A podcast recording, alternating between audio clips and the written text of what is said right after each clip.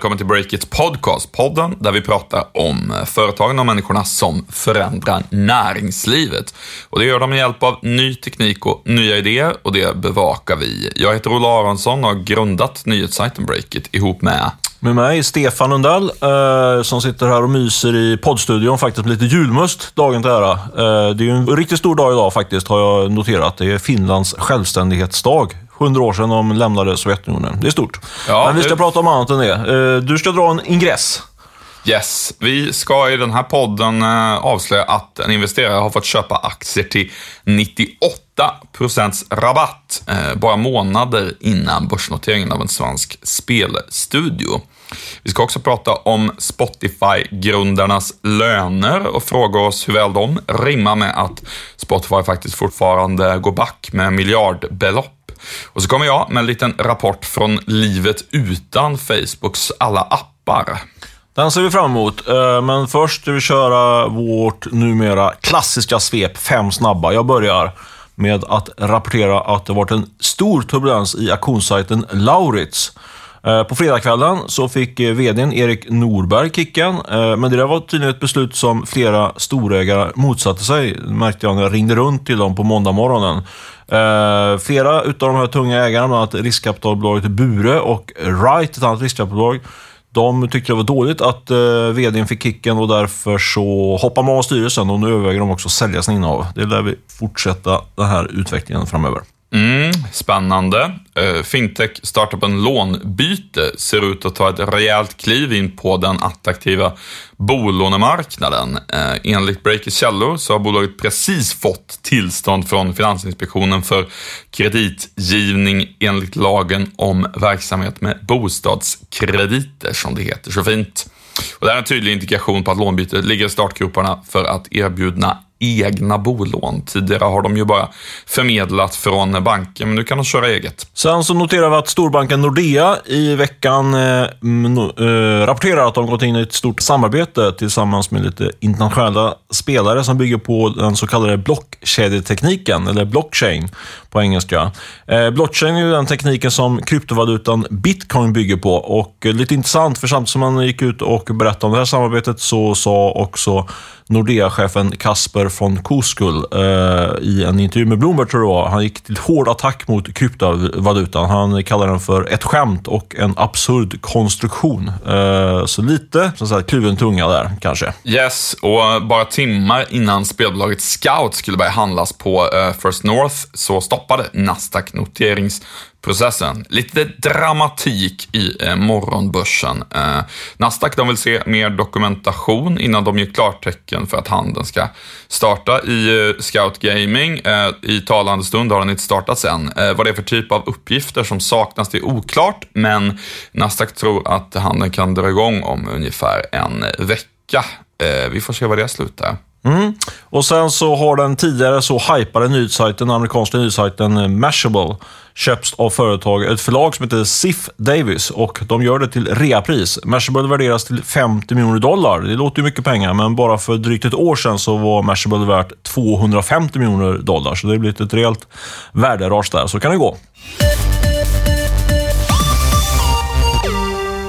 Under hela 2017 sponsras den här podden av Rackfish, ett hostingföretag i premiumsegmentet som sedan augusti också ser till att Breakit har en, eh, måste man säga, supertrygg och stabil driftsäkerhet. Ja, det instämmer jag på. Eh, och kanske är det dags för din startup att prova att byta till kvalitetshosting du med.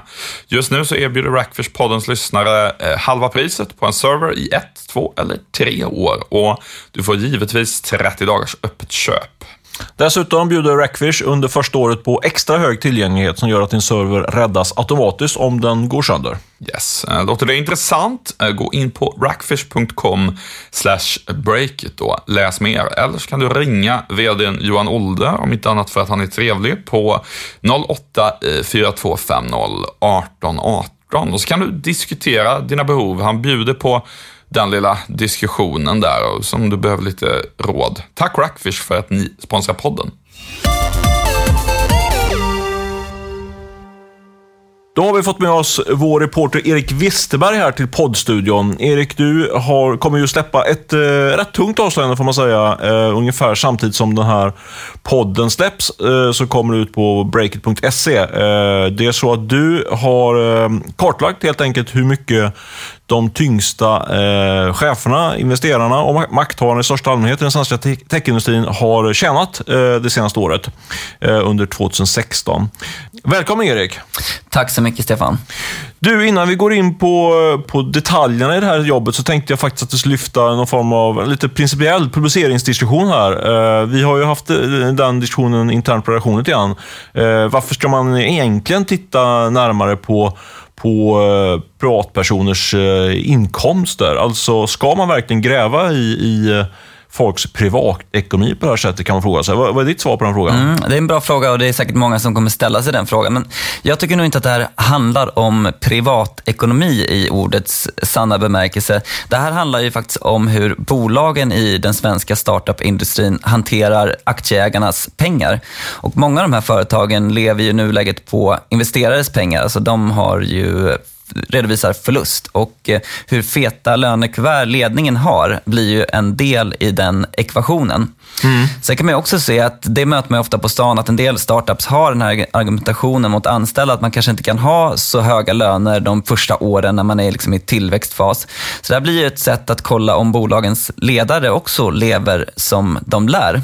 Mm. Sen kan man ju också faktiskt vända på det här resonemanget. Eh, startupledarna själva har ganska lite vägledning i hur mycket man borde ha i lön. Eh, det är kanske inte något man pratar om så mycket och det är lite hysch i Sverige kring det här med löner. Så man kan ju se det som en slags konsumentupplysning också där man kan gå in och kolla och jämföra eh, hur man lägger till mot andra och kanske ta sig en funderare på om, om man ska ha högre lön eller man kanske ska ha lägre lön. Mm. Ja, men det låter som en, eh, som en rimlig slutsats som jag såklart också landat i eftersom jag är innehållsansvarig på sajten. Och eh, vi kan ju tillägga i transparensens namn där att du såklart så kommer ju både min och min medgrundare Olle Aronssons lön eh, redovisas där. Den är inte speciellt hög kan jag redan nu avslöja.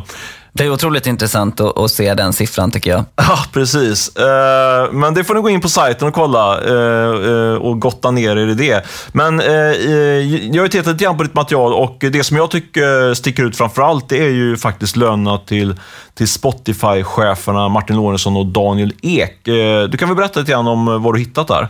Ja, men precis, det är ju intressant. Det är ju vår störst, vårt största techbolag liksom, som är på väg till börsen och de har ju blivit störst i världen på strömmad musik, betalad sån i alla fall. Samtidigt så går ju det bolaget fortfarande med förlust. Men, Miljardförluster till och med, tror jag. Ja, precis. Och vi kikade där på grundarna Daniel Ek och Martin Lorentzon och de deklarerade en inkomst av tjänst på sammanlagt 82 miljoner kronor då för inkomståret 2016 som är det senaste man kan få ut från Skatteverket. Det är pengar det med. Hur, ser fördelningen ut mellan Daniel och Martin då? Ja, Daniel Ek, som ju är VD, han hade en lön på 37,7 miljoner kronor enligt deklarationen.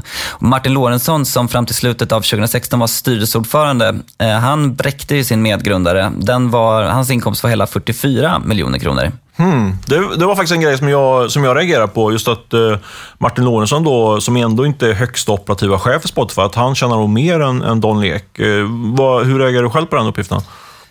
Ja, alltså jag blev väl också lite förvånad. Dels att lönerna var så pass höga generellt sett och sen de här skillnaderna är intressanta. När man läser Spotifys årsredovisning som lämnas in till Luxemburg, där går det liksom inte att se någonting alls kring hur olika enskilda ledande befattningshavare ersätts. Så att det, det var lite som en, en svart låda sådär. Eh, ska man väl också lägga till en brasklapp att det här är ju den inkomsten de deklarerar. Det står ju inte hos Skatteverket att eh, det är just deras lön från Spotify Spotify som, som det där är. Då. Men man kan ju förutsätta att, att det är främst från Spotify de eh, får lön. Nej, men så är det säkert. Eh, Martin Olsson sitter väl i Telias styrelse också, så där lyfter han väl kanske några hundratusen eventuellt i, i eh, styrelsearvode. Eh, men det måste ju ändå vara framförallt Spotify-relaterat. Men om man sätter dem, om vi ska titta lite grann på, på, på rimligheten i, i, de där, i, i de där lönenivåerna, utan att lägga för mycket politiska aspekter på det, utan vi bara, om man liksom lägger någon form av lite mer krasst marknadsekonomiskt skimmer, eller vad som är filter på det. vad tycker du? Är det rimligt liksom att, att de här, eh, att de lyfter den här typen av ersättningar i ett bolag som visserligen omsätter miljarder men också då förlorar eh, väldigt, väldigt stora pengar. Ja, men det där är en fråga för Spotifys styrelse och det som är intressant här är ju att båda de här personerna eh, har ju själva haft, eller har ledande roller där. Daniel Ek är ju numera ordförande efter att Martin Lorentzon klev ner och blev vice ordförande. Så jag antar att internt så motiverar man nog det här med att grundarna, de bedöms nog vara väldigt, väldigt centrala för Spotifys fortsatta eh, framgång och deras väg mot en börsnotering i framtiden som är det som ska göra att investerarna faktiskt kan casha in på sin investering. Men, men samtidigt, när vi tittar på det där eh, lite innan vi gick in här i poddstudion så, så tittade snabbt på vad, vad till exempel eh, de bäst betalda eh, vdarna i de svenska börsbolagen lyfter, så, så ligger det, eh, sticker det här också ut. Det ligger verkligen i topp eh, om man då jämför med dem. Jag tror att Electrolux och, och AstraZeneca ligger lite grann i egen, egen kategori. Men Lux, Electrolux har ju, om man tittar på marknadsvärde och så, jämfört med Spotify, så är det ju är det ju ehm, ja, riktigt höga löner som, som, riktigt hög lön som Dan Ek eh, plockar ut. Jag, jag tror personligen att det här eh, avspeglar sig att det är ju minst lika mycket eh, ett amerikanskt bolag, Spotify nu idag. De ska ju notera sig på, ett, på den amerikanska börsen, förmodligen på New York-börsen då och man jämför sig säkert med de techbolagen på amerikanska västkusten och där, där ligger de Eh, där sticker de inte ut lönemässigt. Så Nej. Jag kikade lite på eh, H&M, eh, hur det såg ut där i deras årsredovisning. Där kunde man se att Carl-Johan Persson, vdn, hade en total lön på 13,4 miljoner kronor under 2016. Då. Och det finns ju som du säger få börs i Sverige som kommer upp i löner liksom över 30 miljoner kronor. Och det är klart att man kan ifrågasätta rimligheten i, så här, ska ett bolag som gör så pass stora förluster betala ut så pass höga löner? Mm. Till... Intressant att säga med Carl Persson, för mitt, första motargument där var ju att, eh, när du sa det, kom direkt upp i, min, i min, mitt huvud. Liksom, ja, men han är ju storägare i, H&M så han, han behöver inte plocka ut en, eh, en, menar, han får ut pengar genom utdelning och sådant eh, eftersom han äger så mycket av H&M. Men det är ju precis samma med Don Ek. Han är ju storägare i Spotify, så han borde ju också kunna med den motiveringen inte behöva ut så hög eh, månadslön så att säga. För han har ju sitt stora bett har han ju som, som aktieägare till vad han äger typ 10% av Spotify. Mm. Ja, men precis, och där, båda de här eh, herrarna, Lorentzon och Ek, har ju de senaste åren också eh, redovisat ganska ordentliga överskott av kapital då, som läggs ovanpå den här inkomsten av tjänst. De ju kan spegla eh, utdelningar av, av olika eh, slag. Ja, jag skulle säga att det indikerar väl att de har sålt helt enkelt en del i Spotify, skulle jag gissa. För utdelning har det inte kommit något för Spotify än, som de går med förlust. Då. Men, men de har ju liksom så att säga gjort så del, del-exit där via, via Spotify, tror jag. Utan att veta, men det, det alltid väl på att det är Spotify-aktier som, som står för merparten av dem försäljningsintäkter. Ja, men precis. Man kunde ju också kika där på um, ett annat miljardbolag, eh, Paradox, uh, var lite intressant. Där rapporterade vi för ett tag sedan att uh, Fredrik Wester, vdn och den största ägaren där, han är, ju, han är ju miljardär på sina aktier. Han valde att sänka sin lön till noll kronor. Mm. Han sa ju att ja, om det går bra för bolaget så går det bra för mig, så jag behöver inte ta ut någon lön. Ja, det där, jag tycker det är jätteintressant, vilket faktiskt ger ytterligare eh, argumentation för vår granskning, att man kan hitta den här typen av, uppgifter. För det där är ju inte, det är inte solklart. Det är inte självklart att eh, Daniel Ek ska, och framförallt inte om man får säga, med all respekt för Martin Lorentzon då, som ändå inte har en lika lika eh, tung roll ändå i Spotify som Don Erik. Att, att de ska få ut så pass stora ersättningar, det, ja, det kan, man, kan man nog faktiskt ifrågasätta. Men det är ju, är ju till syvende och sist aktieägarna i Spotify och det kommer ju snart bli notering och det kan det säkert bli debatt på, på stämmor och liknande från, eh, från ettriga aktiesparare och liknande, alltså den organisationen som företräder små, småägare.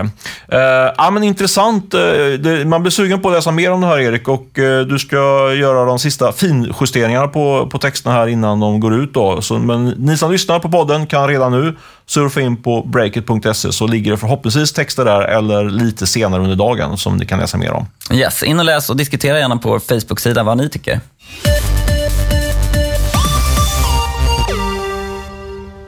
Den här veckan sponsras podden av Credstep, ett fintechbolag som ingår i Saveland-koncernen. Eh, Credstep är experter på smarta finansieringslösningar inom fakturaköp och dessutom så jobbar de med företagslån för bolag i tillväxtfas. Mm, många tror ju kanske att fakturaköp innebär att man måste sälja alla sina fakturor eller en bestämd volym med påföljande straffavgift om man inte når målet. Mm, men på Credstep så jobbar man inte så. Där kan du sälja precis så många fakturor du behöver, precis när du vill. Eh, en faktura eller tio. Eller alla. Du bestämmer helt och hållet. Och du blir inte upplåst i ett långt kontrakt. På Credstep finns inga bindningstider. Gå in på credstep.se och läs mer om fakturaköp och företagslån. Och med det tackar vi Credstep för sponsringen av denna podden. Nu ska vi tala om vad som eh, ser ut, i varje fall på pappret, och vad årets klipp. Du, Stefan, har grävt i ett prospekt och hittat den lilla godbiten. Ja, en eh, väldigt trevlig sysselsättning tycker jag, att gräva i memorandum och prospekt och liknande. Och det eh, illustrerar, för det blir ofta bra nyheter av det och det illustrerade du faktiskt förra veckan eh, i podden, tror jag det var, när du skrev om, du pratade om Mag Interactive och hur mycket de pröjsade för när de köpte, var det Feo Media heter de va? Ja, nej men precis. Det kom loss hur mycket de köpte det här FEO Media som ligger bakom Quizkampen för. Och kanske ännu mer intressant, att de lägger 43 procent av eh, sina kostnader på marknadsföring. Det hade jag ingen aning om i Mag Interactive.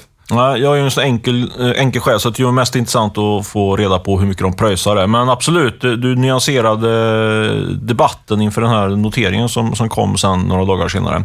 Men det var inte det jag skulle prata om nu. Jag tänkte bara lyfta det, att det finns ofta spännande saker att hitta i de där prospekten. Frågan är hur många som läser dem egentligen. Jag tror att en del journalister kanske grottar sig igenom dem och vissa investerar. Men många tittar nog inte så noga och det borde de göra, tycker jag. Eh, för det jag hittade nu var i ett annat bolag som heter Toadman, som är en spelutvecklare som ska noteras på en liten lista, en NGM-lista, eller NTF heter de, NTF-listan, eh, i nästa vecka. Eh, och Det som jag hittade, den hårda nyheten i detta var, det finns en kille som heter Alexander Albeid, Albed, tror han heter. Eh, han är storägare i Toadman, men det var han inte för så länge sedan. Utan det som jag hittade i, dock, i det här prospektet var att han i juli kunde köpa in sig i Toadman till en kurs som var på 30 öre per aktie.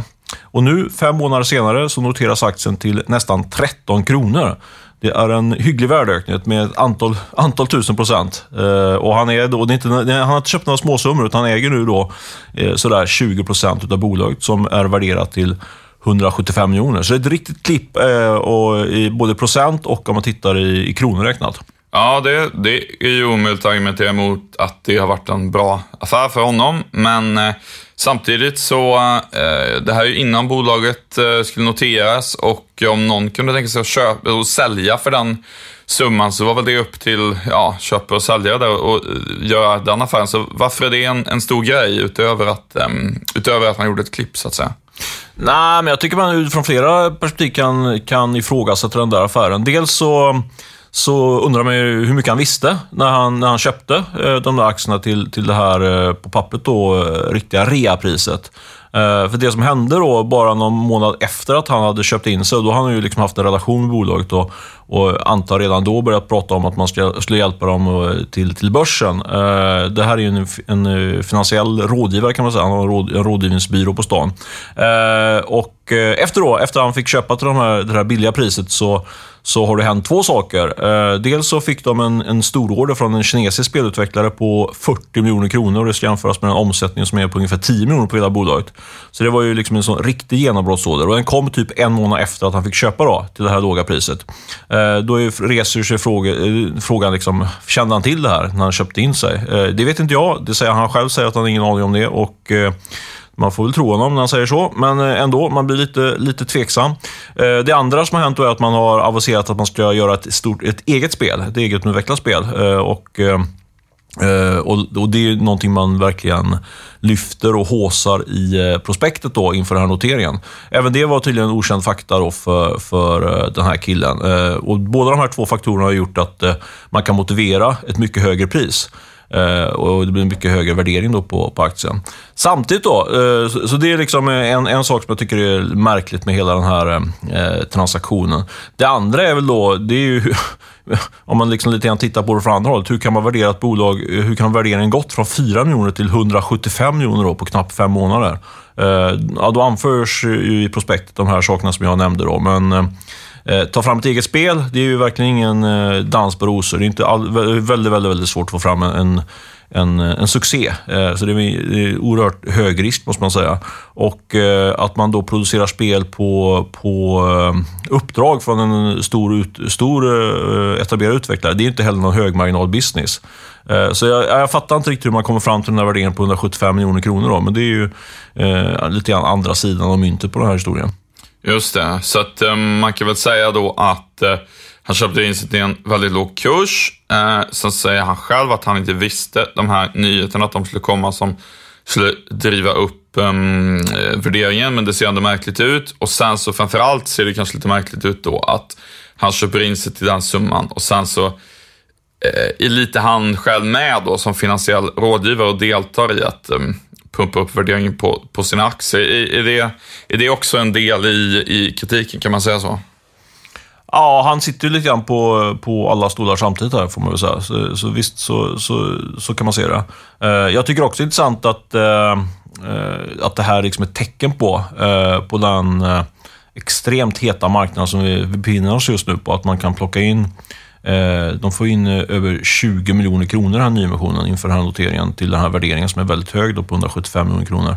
Eh, ändå har det blivit övertecknat ett antal gånger och det tror jag tyder på att folk kanske inte kanske inte läser de här prospekten så noga och funderar lite grann på vad, vad som är rimligt och inte rimligt. Ja, men verkligen. Det kan ju absolut vara så faktiskt att det inte har begåtts några direkta oegentligheter. Däremot så måste man ju ändå kunna ifrågasätta just, eh, vad ska man säga, om en person som jobbar så nära bolaget bara var beredd att betala 30 öre per aktie för fem månader sedan, varför ska nu andra investerare betala, vadå, 13 kronor nu efter de här sakerna som har hänt? Han har ju visat vad han tyckte bolaget var värt för fem månader sedan, om man säger så.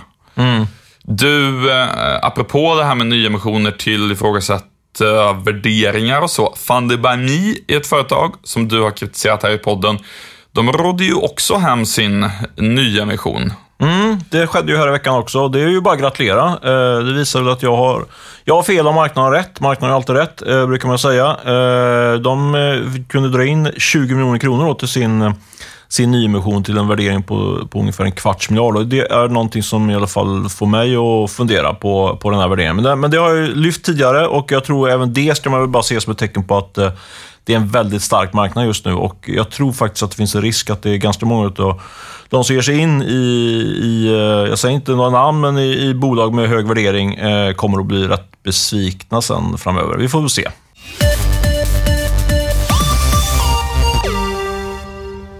Även den här veckan har vi med oss Wint som sponsrar podden. Härligt tycker jag. Eh, Wint, de fungerar ju som Breakits och många andra företags egen ekonomiavdelning. Ja, istället för att vi ska ha någon som sköter vår bokföring, betalar våra fakturor, räknar på moms och häftar kvitton så har Vint skapat en lösning som ordnar allt det här automatiskt med hjälp av AI. Mm, så när en leverantör vill ha betalt eh, kommer fakturan in i Wints system och så får vi en ping om eh, en fråga helt enkelt. Om ska den betalas? Eh, och ofta så betalar man dem helt enkelt.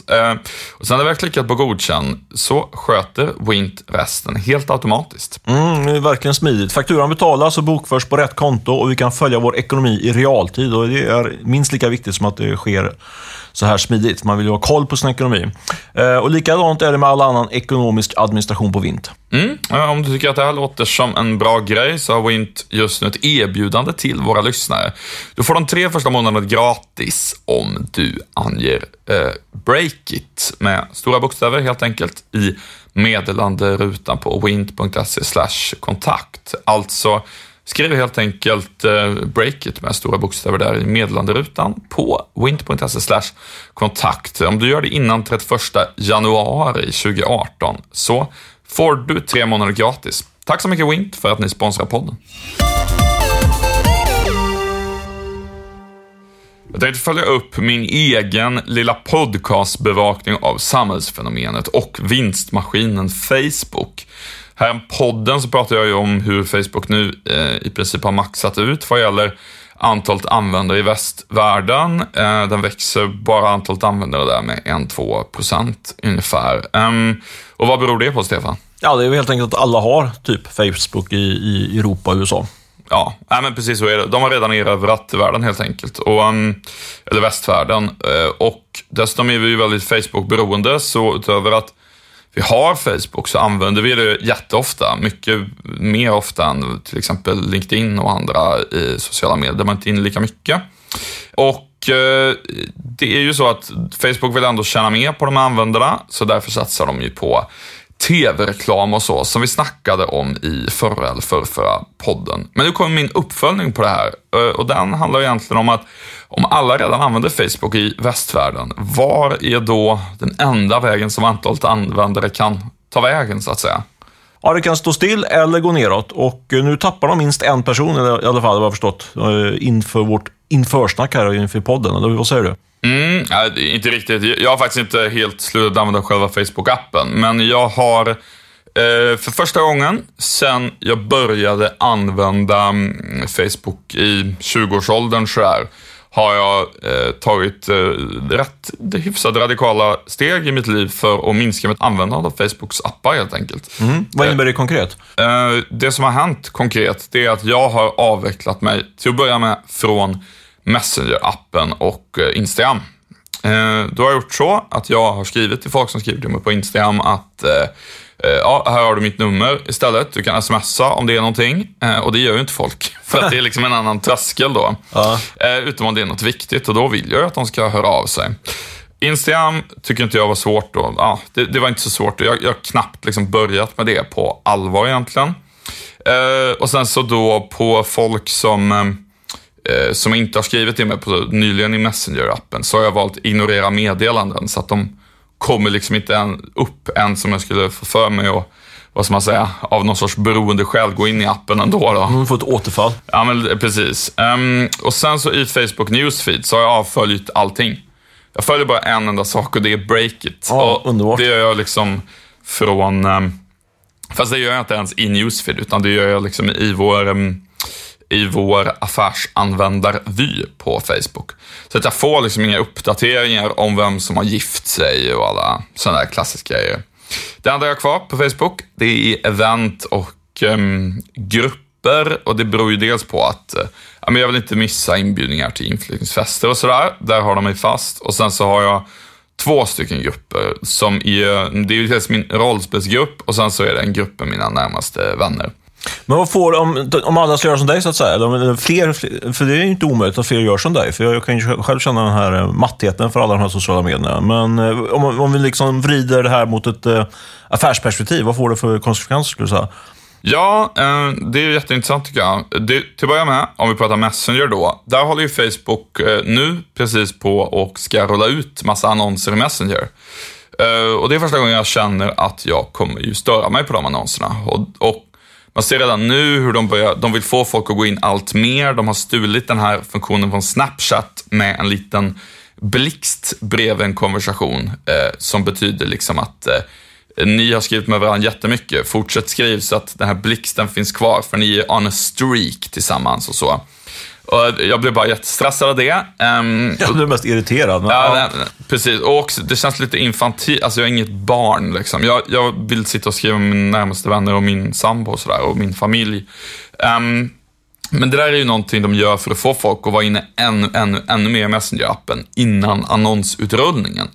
Och jag bara kände liksom, jag, men, jag vill inte vara med om det där. Och um, där, det kan ju inte jag veta, men jag är ganska övertygad om att det kommer upplevas som mycket mer störande med annonser i Messenger-appen än i det vanliga Facebook Newsfeed-flödet där man liksom bara scrollar lite planlöst och scrollar förbi en annons och så.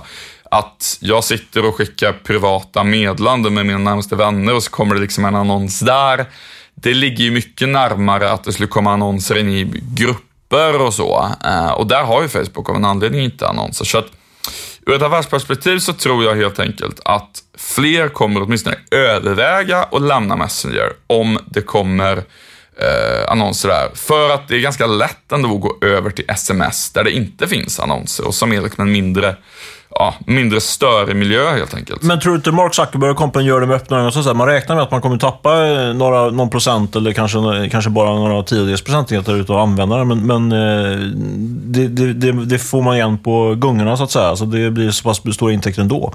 Jag tror att de hoppas det, men om man ska vara krass, och, och grejen är att de kan säkert få jättemycket omsättning från från Messenger. Eh, det jag far efter är mer så här att eh, de som kommer dra ifrån eh, de som kommer sluta använda Messenger då, alltså vilken målgrupp är det de alienerar? Och där tror jag väl någonstans att de kan säkert ha kvar en massa människor som, jag vet inte, har jättemycket fritid eller någonting sånt där. Men om man liksom vill ha mer lugn och ro och mindre stress så att säga, i sitt liv, typ om man är väldigt upptagen, vilket också ofta korrelerar med ja, en köpstark målgrupp till exempel, så tror jag mycket väl att Alltså det kan vara fel människor som drar, om jag formulerar mig på det sättet så att säga. Att det, eh, och det tycker jag eh, känns som ett rätt rimligt antagande. Eh, och man ska liksom komma ihåg det här att eh, visst, man kan få fler intäkter per användare på Facebook. Det har de ju varit duktiga på att driva upp. Men hela bolaget bygger ju ändå liksom på någon sorts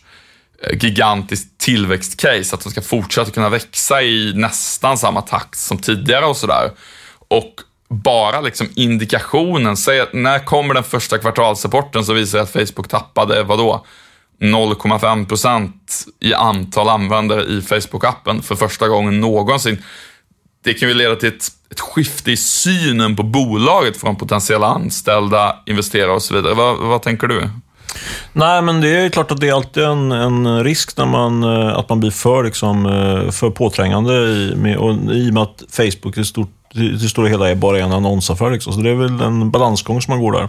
Men det är möjligt att det, att det tappet inte blir så allvarligt så att, det ändå, att man ändå tjänar på det, så att säga. Mm, men så skulle det kunna vara. Men jag tror att man ska se det så här egentligen, som när man försöker bedöma ur ett affärsperspektiv, att ett, eh, Eh, jag tror att Facebook förr eller senare kommer börja tappa en hel del användare. Eh, helt enkelt för att folk har inte oändligt med tid att sitta och hänga i Newsfeed och Messenger och, och sådär. Och det finns faktiskt alternativ till, eh, till att göra det. Ja, typ så här, göra andra saker med sitt liv. Um, ett affärsperspektiv så tror jag att det är fortfarande jättebra att sitta och köpa annonser på Facebook om du är en entreprenör. Men det är inte värt din tid att sitta och hänga så mycket på sociala medier som, som vi gör idag. Eh, helt enkelt. Så att ehm, Eh, jag, jag, tror inte att det här innebär att det är liksom läge att sluta köpa Facebook-annonser idag. De har fortfarande jättebra räckvidd och det är liksom prisvärt och sådär. Men eh, däremot så tror jag att det kan innebära en väldigt tydlig vändpunkt för Facebook som företag om man börjar se för första gången att det faktiskt är så att antalet användare, liksom den trenden börjar antingen stå helt still i västvärlden eller till och med peka lite neråt. Och som sagt, nu har de i Messenger-appen och Instagram tappat åtminstone mig så att säga. Så att, um, ja, det, det ska bli intressant att följa.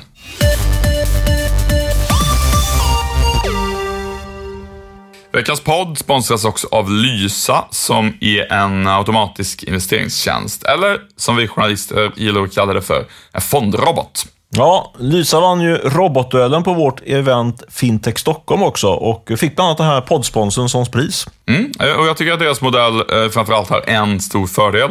De har valt att satsa på ett väldigt lågt pris. Eh, marknadens lägsta avgift för en så kallad fondrobot. Den avgiften är 0,15 till 0,24 procent. Och det här är ju ett område där forskningen faktiskt visar en ganska entydig bild. Det är generellt sett bäst att välja en så kallad indexfond med låg avgift än att låta mänskliga fondförvaltare försöka pricka in då rätt aktier eller räntepapper. Mm, eh, för de här människorna tar ju vanligtvis ut en avgift på 1,5 procent och över tid så gröper det ur värdet på sparandet. Precis. Låg avgift är ju den viktigaste faktorn till långsiktigt bra avkastning helt enkelt, enligt eh, forskningen och vetenskapen. Yes, om ni vill testa den här typen av förvaltning så kan ni surfa in på lysa.se och få ett gratis investeringsförslag från dem. Gör det och tack Lysa för att ni sponsrar podden. Nästa år är det väldigt spännande för då är det valår och eh, redan nu så känns det som om att eh, valkampanjen drar igång faktiskt på, på sin håll. Eh, och vi ska avsluta den här podden och blicka lite framåt och fundera på vad kanske nya techbolag och startups har att vänta sig från politikerna under nästa år. Olle, du har eh, grävt ner lite grann i detta. Vad har du kommit fram till? Ja, eh, det vi kan vänta oss är väl till att börja med eh, ännu mer intensivt PR-arbete från politikerna. Att de vill helt enkelt associeras med startups och låta sig fotograferas ihop med framtidens spännande svenska företag. Eh, det är begripligt, men det har också lett till en del eh, kritik. Till exempel Instabridge-grundaren Niklas Agevik skrev ju en debattartikel på Breakit om det, att han tycker att eh, startup-entreprenörer borde vägra fotas tillsammans med Mikael Damberg för att det liksom blir falsk marknadsföring på något sätt. Um, ligger nog en del i det där, tror jag, att eh, vad ska man säga, politikerna under 2018 kommer försöka använda startups för att bygga sitt, sitt varumärke helt enkelt. Eh, men om vi går in mer på eh, sakpolitiken skulle jag säga att eh, det finns ju eh, fyra frågor där startups är väldigt engagerade, varav två stycken är liksom de som politikerna på lite kortare sikt faktiskt kan eh, göra någonting åt. Eh, dels har det handlat om eh, personaloptioner och så. Där har ju regeringen faktiskt levererat redan. Det blev ju inte så som alla ville med personaloptioner, men den frågan känns lite mer utagerad i och med att det faktiskt är så att man från och med första januari, alltså om mindre än en månad faktiskt, eh, kan börja ge ut personaloptioner med nya förmånligare villkor. Innan vi går in på vad, vad, vad, det, vad det innebär, de där villkoren. Du nämnde att det är fyra frågor. Då, då, det är bostadsfrågan. Eh, det är, vad är de fyra frågorna? Som, men, Nej, men det, det är bostäder, det är eh, programmeringsutbildning och så, alltså allt kring det som startups driver mycket. Det är, eh, åtminstone har varit väldigt mycket frågan om personaloptioner och eh, den fjärde frågan är ju utvisningen av programmerare. Just det.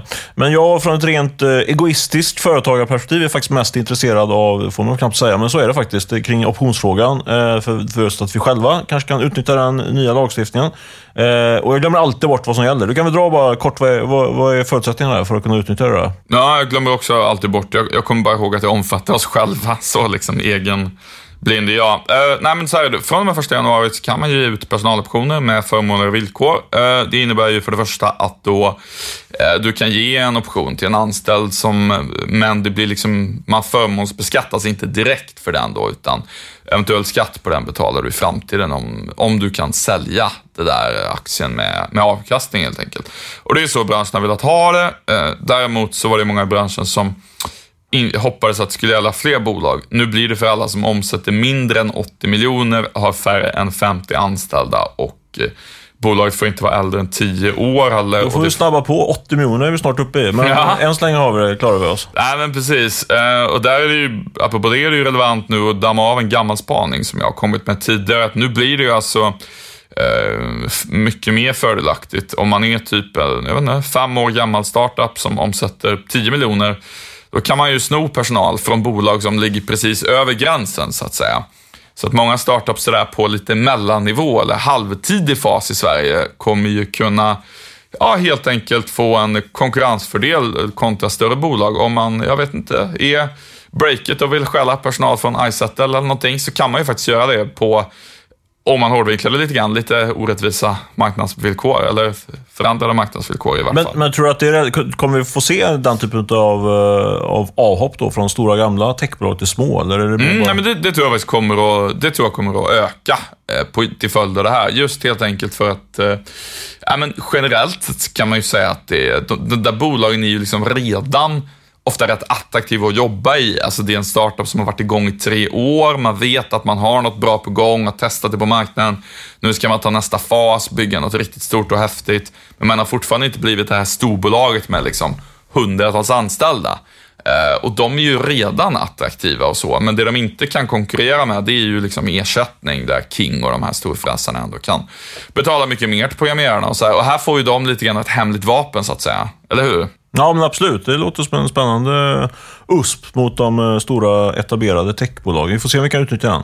Ja, nej men precis. Eh, men det som är med den frågan är att även om många, eh, rent politiskt så är den ju lite utagerad. Alltså visst, det är många som tycker att man borde ha ännu mer generösa optionsregler och så, men i och med det här införandet och den liksom långa debatt som har varit, så är det liksom inte den frågan som är mest eh, intressant längre.